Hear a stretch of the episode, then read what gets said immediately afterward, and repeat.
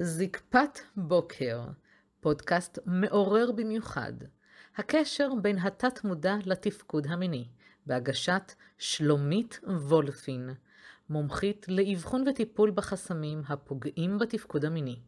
תוכן עשיר, מוגש ברגישות ואלגנטיות, לצד פתיחות והרבה אהבה והכלה. פינת הטיפ כאן מתייחסת למשפט מנצח כשהיא לא ממש בעניין. אני מאוד מאמינה בעשה מקסימום תצליח. ולמה אני אומרת את זה? כי לא מעט קורה ששואלים אותי, נו, שלומית, וזה יצליח? ומה, אני נביאה? חוזת עתידות? ולכן אני אומרת את זה ככה. וגם כלפי עצמי, אגב, שלא תטעו. הרי אם לא ננסה, לא נדע. אז הפעם אני מביאה לכם טיפ שהוא מאוד חזק מבחינתי, ואם אומרים אותו נכון, בטונציה נכונה, בקשב לגוף ועם כוונה, הרי שהוא יכול לחולל פלאים. עכשיו, בינינו, לא תמיד יש חשק למפגש אינטימי, לא תמיד בא לנו באותו הזמן. אנחנו יודעים שיש תירוצים רבים וסיבות רבות למה לא מהצד השני, וגברים רבים שוטחים בפניי שמרגישים שהם יותר מיניים מהאישה והם רוצים יותר לקיים יחסים מאשר האישה שלהם, או הפרטנרית שלהם באשר היא. אז מה עושים?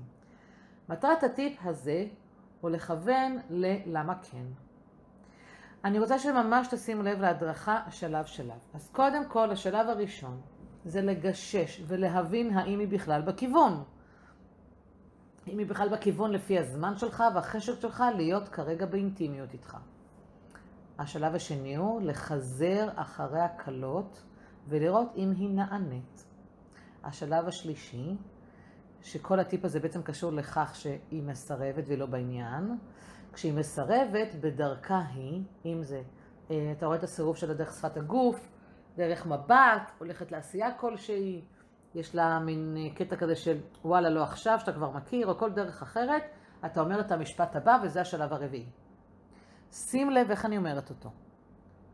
מה יאפשר לנו להיות באינטימיות? מה יאפשר לנו להיות באינטימיות הערב? עכשיו שים לב, חשוב. אם אתה מכוון להיות איתה בערב, ככה יאמר המשפט. מה יאפשר לנו להיות באינטימיות הערב? אם אתה רוצה לכיוון הבוקר או כל זמן אחר, תשנה את הנוסח לשעת היום שאתה רוצה. מה יאפשר לנו להיות באינטימיות מחר בבוקר? למשל אם אתם בחופשה או הבית ריק או כל דבר אחר. אם זה מתי שהילדים למשל לא נמצאים, אז אתה יכול לשנות את הנוסח ל... מה יאפשר לנו להיות באינטימיות כשהילדים לא בבית מחר, אוקיי? המילה אינטימיות היא מאוד משמעותית. אם יש לך אישה שהמילה הזו מכניסה אותה לחרדה, תשתמש במינוח אחר למפגש המיני. אה, מה יאפשר לנו אה, לקיים יחסי מין אה, מחר? מה יאפשר לנו ליהנות מסקס בבוקר? תנסח את זה נכון. אתה צריך להגיד את המשפט בהנמכת קול, כמו ששמת לב שאני אומרת אותו, לא בקול רם ולא בסביבת אף אחד אחר, ולאט. מה יאפשר לנו להיות באינטימיות, אוקיי? ולעשות את זה רק כשאתה לידה.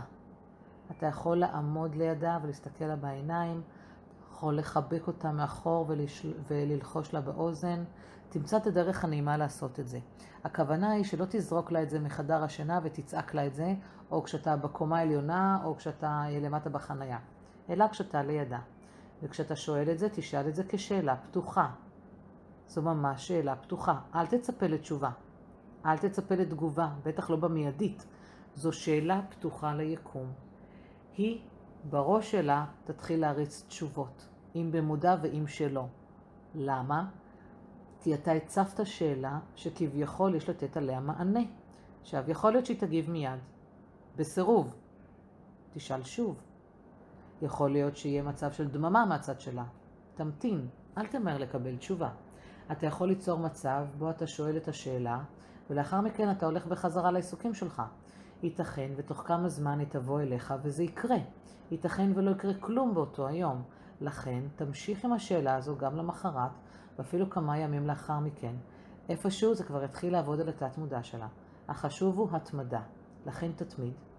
וגם, כשאתה כבר זוכה להצלחה ויש תגובה ממנה, אתה מוזמן להמשיך ולהתמיד בזה. תמשיך להשתמש במשפט הזה. וכמה שיותר, הרי זה משובח.